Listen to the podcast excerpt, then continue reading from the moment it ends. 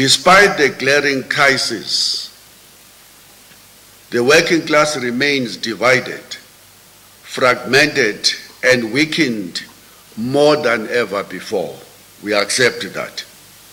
The working class has become, or the working class has, because of these weaknesses, failed to offer a coherent alternative to this worsening crisis of capitalism.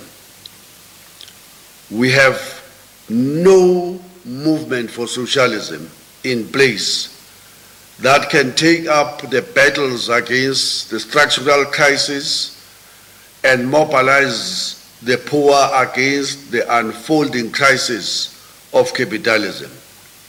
The NEC agreed to urgently reconvene the Political and Ideological Commission, the Campaigns Committee, the Working Class Summit, the Conference of the Left Summit to help unite and put to an end the fragmentization and the sectarian approaches in which small and ineffective but still militant protest actions that lack coordination at all national levels or at the national levels are taking place every day.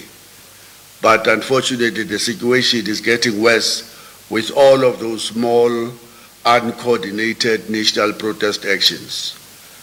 The second National Congress held in May 2023, the July 2022 NEC, and now this NEC at the end of February, has issued a clarion call for the Federation to rebuild itself from bottom up.